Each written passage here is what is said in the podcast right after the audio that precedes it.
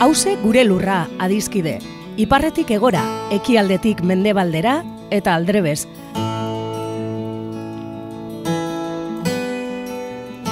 Lurra bakarra dugu edo gaituen lur bakarra da hause. Eta zaintzak dan hori dagokigunez, hemen horretaz egingo dugu berba.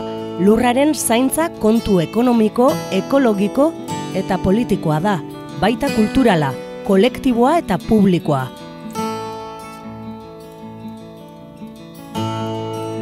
Ekopol taldeko Iñaki Bartenak eta Josu Larrinagak hause gure lurraren zaintzak dituen ataka eta kontu importantei buruz hitz egingo digute.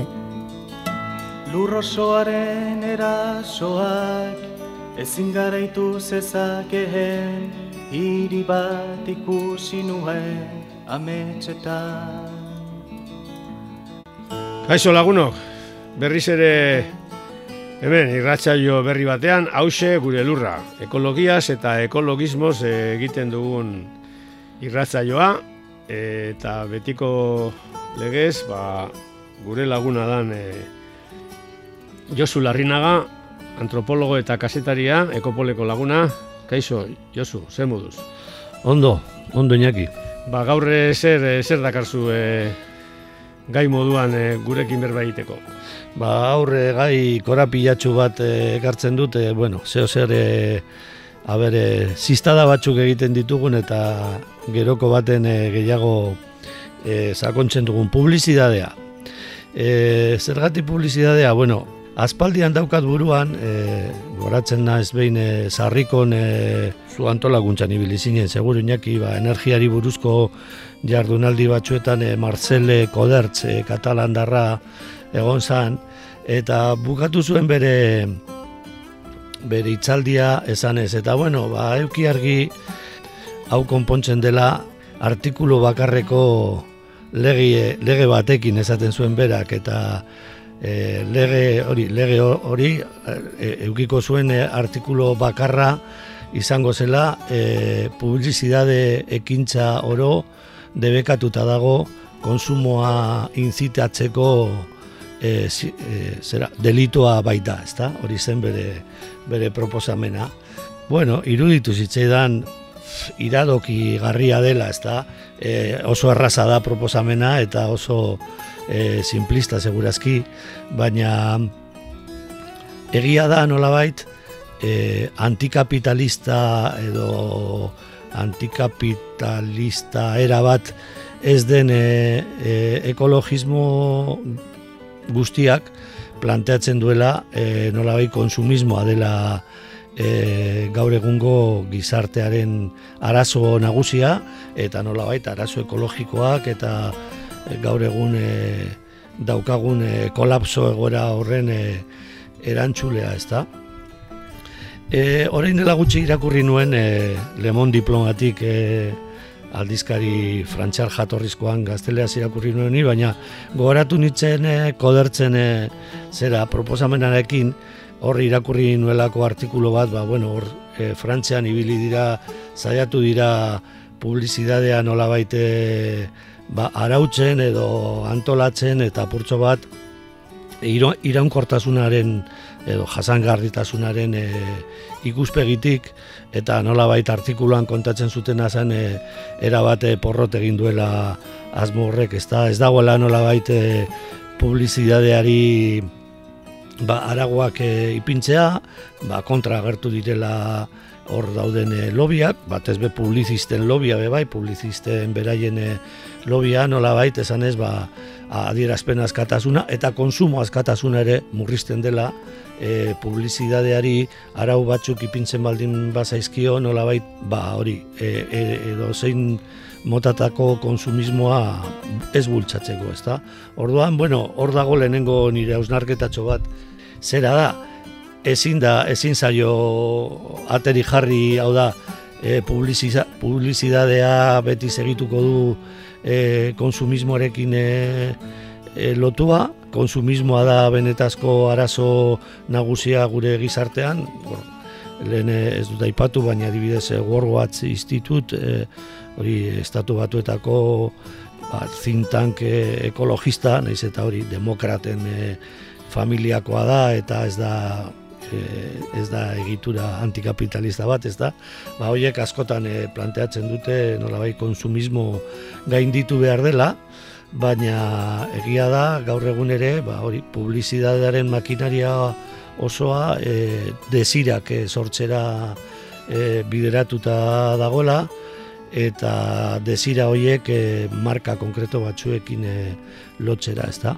Baina, hori, Frantziako eztabaida horretan, beste batzuk ere esaten zuten, ba, publizidadea baliagarria izan daitekela, e, nolabait, e, ba, hori, mezu jasangarritasunaren aldeko mezuak edo nolabait beste kultura den inguruko mezuak e, zabaltzaldera eta hori da ere nire bigarren e, zalantza bat. Benetan efektiboa alda publizidadea konsumoa jaisteko kanpainak edo e, rekursoak aurrezteko edo energia aurrezteko edo ura hobeto erabiltzeko edo gaur egun etengabe erabiltzen da ere publizidadea ez daki zaborrak e, banatzeko mezuak bidaltzeko hainbat kontuetarako ez da hainbat kontu ere nolabait ekologismoarekin edo praktika honekin lotuta daudenak baina nire susmoa da kasu horietan publizidadea ez dela hain e, hain efektiboa. Hau da, publizidadea gure buruari e, arazoak sortzen dizkione mezuak e, planteatzen dituenean, ba oso erraza daukagula e, deskonektatzeko, edo inkluso esateko ba, hori publizidade publizidadea da, hori sistemaren mezua da, hori eta nola bait e, publizidade horrek nire ustez oso efektibidade txikiadeko, baina konsumismoa e, bultzatzen duen publizidadea berriz e, kriston efektibo tasun handiadeko suposatzen da. Nik askotan nire buruaren nire buruari begiratzen diot eta pensatzen dut, ba, bueno, nire kasuan eta ezagutzen dudan jende askoren kasuan publizidadea ez da inefektiboa. Baina ba, nola ere, pensatu behar du nire burua engainatzen ari naizela, etengabe egiten da publizidadea konsumismoaren aldekoa, e, dirutza gastatzen dituzte enpresa hondiek e, horretan eta azkenean ba, gutxiago ala gehiago e, dano jausten gara publizidadearen e, amarro hoietan orduan e, zer egin e, publizidadearekin ez badago murrizketa egiterik e, beste motatako publizidade hori e, e, ez bada inefektiboa.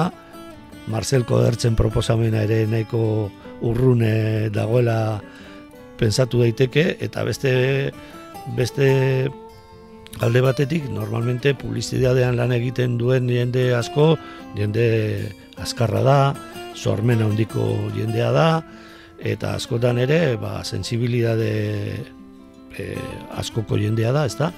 Baina hor dago nolabait e, ba egoera aporistiko bat edo eh, non dago horren irteera e, hori Frantziari buruzko artikulu horretan nolabait nahiko mm, irakurketa negatiboa egiten zen ez zegoela e, asko egiterik baina hor daukagu publizidadea etengabe gure inguruan eta gainera publizidadea beti egonda oso gertu e, informaziotik eta gaur egun informazioa eta publizidadea eta marketing ere ezberdintzea askotan ezinezkoa da eta mm, hori da nire gaurko hausnarketa.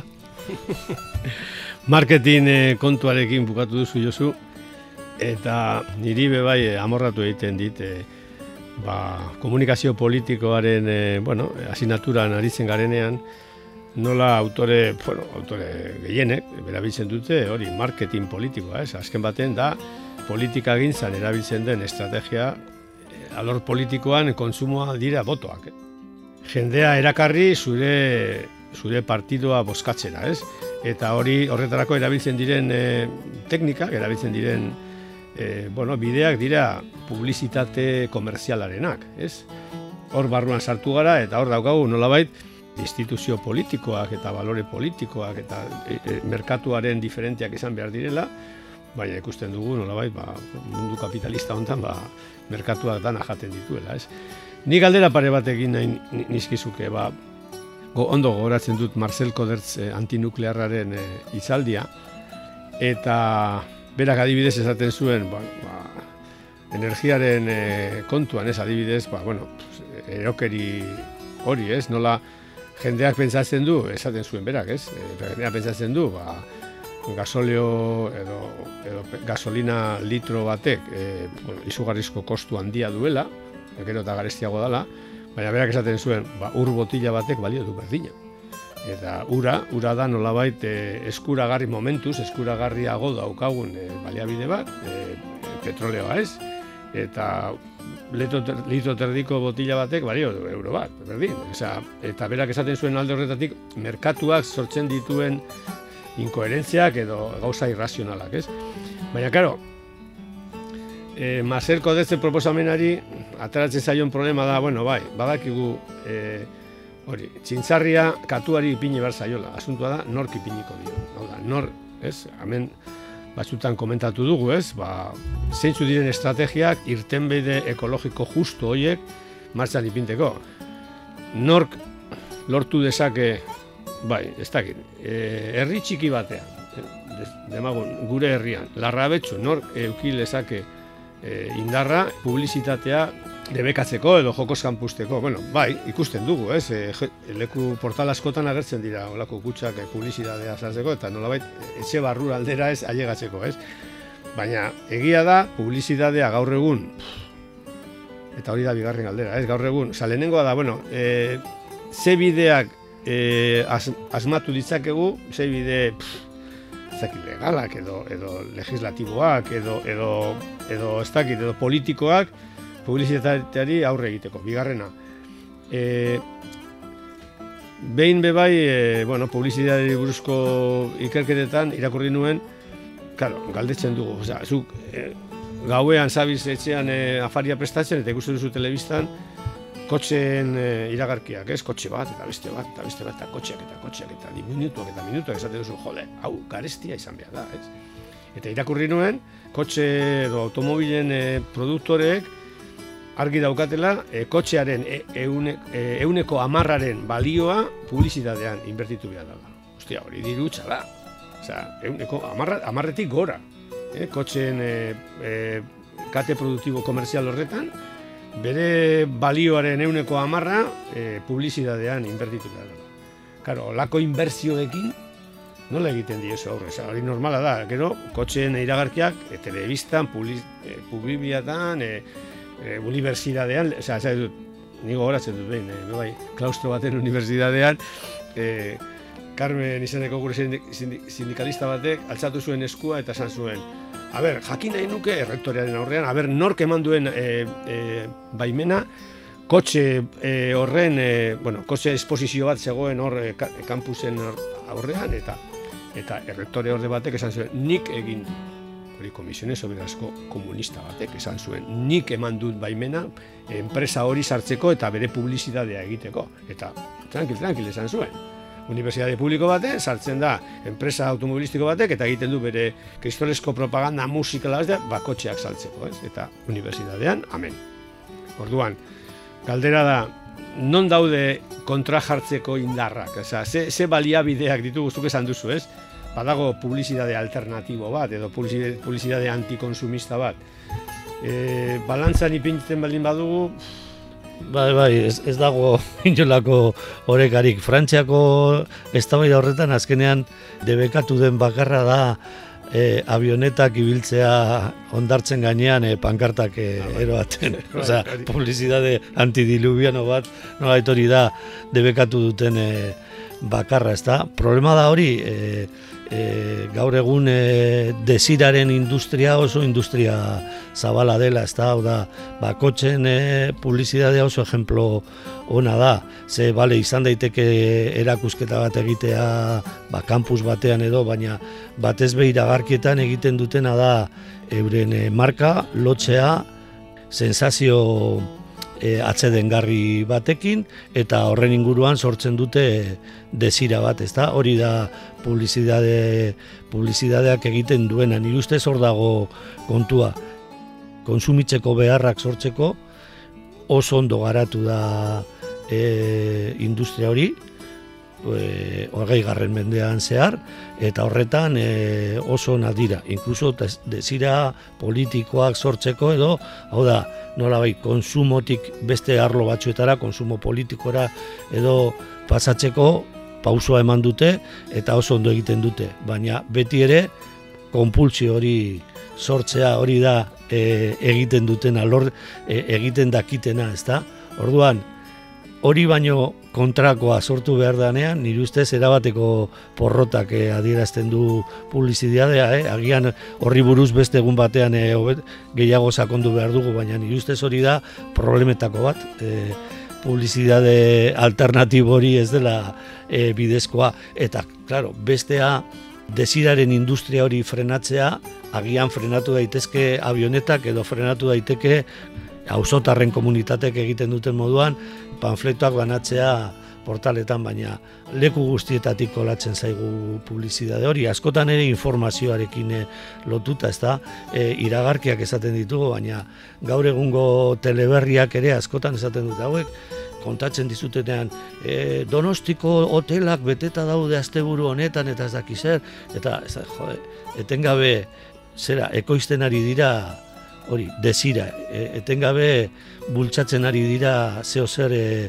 ba, ni ere atera beharko naiz e, etxetik asteburu honetan, non baitera joan beharko naiz, ze dana dago, zan dut, bueno, e, askotan ematen dituz, ematen dira albisteak ere nolabait e, produkto konsumitzeko produktu baten e, alabantzak egiten dituztenak edo produktu berri bat eta orain jendeak edo orduan sekulako problema da eta ez da ez, ez da errez nondik eh, atakatzea. Orduan izaron beharko dugu, zure uste izaron beharko dugu gure gana kolapso sozioekologikoaren astarnak argita garbi ikustera, e, lortzeko, ba hori, publizitate alternatiboak esan ez, bueno, kotxea konpartitu, ez? Eta kotxea konpartitzean e, bizitza hobeago bat lortuko duzu edo, ez dakit, edo edo hegazkinaren ordez, bizikleta, edo ez dakit, e, etorriko da momentu bat nun e, bueno, gizarte alor batzuetatik edo edo edo estadutik ateratzen den publizitatea izango dan kontsumo gutxiagorako. Ba, bostakit, e, igual posible izango da momentu den, baina nik usteot horretarako shock e, e, shock doktrina hori aplikatu behar da. Nola baite egoera oso oso oso tamalgarria euki behar dugu atzean, aurrean, nola bait, publizitate antikonsumista horiek e, marzan ipinteko, ez? Nik hori bai ikusten dut, posible. Nik ez dakit ja sok egoera horretan ote ez gauden, eta eta bai bai, osea, ados nago zurekin inaki, baina ez dakit hain, hain baikorra ere e, ote naizen. Ez dakit benetan, e, hau da, txirrindulak, txirrindulak ere bilakatu dira adibidez konfinamentuan zehar, txirrindulak bilakatu ziren e, oso desideatutako produktu bat eta ondino gaur egun dendatan e, problema dituzte bizikleta gutxi dago gaur egun. Bai, batez ere eh, bateria elektrikoa duten. Bai. batez ere elektrikoak, bateria nola baitor eman zaio beste, beste produktu berri bat asmatu da txirrindularekin eta sekulako garestia dira txirrindula horiek eta horiek bai. ere eta bueno, ba, hori hori ikusten dugu ere txirrindularen erabilera oso zabalduta dago gure herrian, baina asteburuetan eta sekulako txirrindula garestiak eta sekulako astronauta jantziarekin atera behar dira txirrindulariak. Eta orduan e, horreten gabe gaude harrapatuta horretan. Orduan publizidade benetan e, bilakatu daiteke desiragarria e, hau da eta publizitate egiteko horren zean kotxea partekatzea bilakatu daiteke hori cool izatea nola bait ba hortze dago gakoa baina baina momentu ez du ematen. ez du ematen eta gainean hori nire nire intuizioa da mezu horiek azkenean nola bait e, jendeari hori da ekologismoaren emezuaren arazoa nola bai, jendeari esatea arazo bat daukagu eta konpondu behar dugu eta hori horrek danona ardura eskatzen du. Orduan, alako mezuak Berritxarrak. berritzarrak, publizitatea kapasa da hori zabaltzeko hori da nire zalantza gaur egun. Bueno, eta, bueno, hor, eitzi ditugu galderak eta eta problematikak e, publizitatearen gainean, e, ze kanta ekarri diguzu gaur. Bueno, ba, kanta larre evidentea da, baina nire ustez oso ondo definitzen du e, badago histo- musikaren historialari bat e, Tez Gioia, e, Iparamerikarra, berak esaten du mu, pop musika edo musika popularrak e, aurre ikusi egiten duela e, e, garai baten e, zei gesta edo nolabait e, e, kultura nagusia izango dena, ezta? Eta orduan, ba, nolabait publizitatearen e, inguruan, ba, irurogei garren amarkadan, pasadan mendean, e, mutil Britainiar batzuk e, esan zuten I can't, I can't get no satisfaction. Eta hori da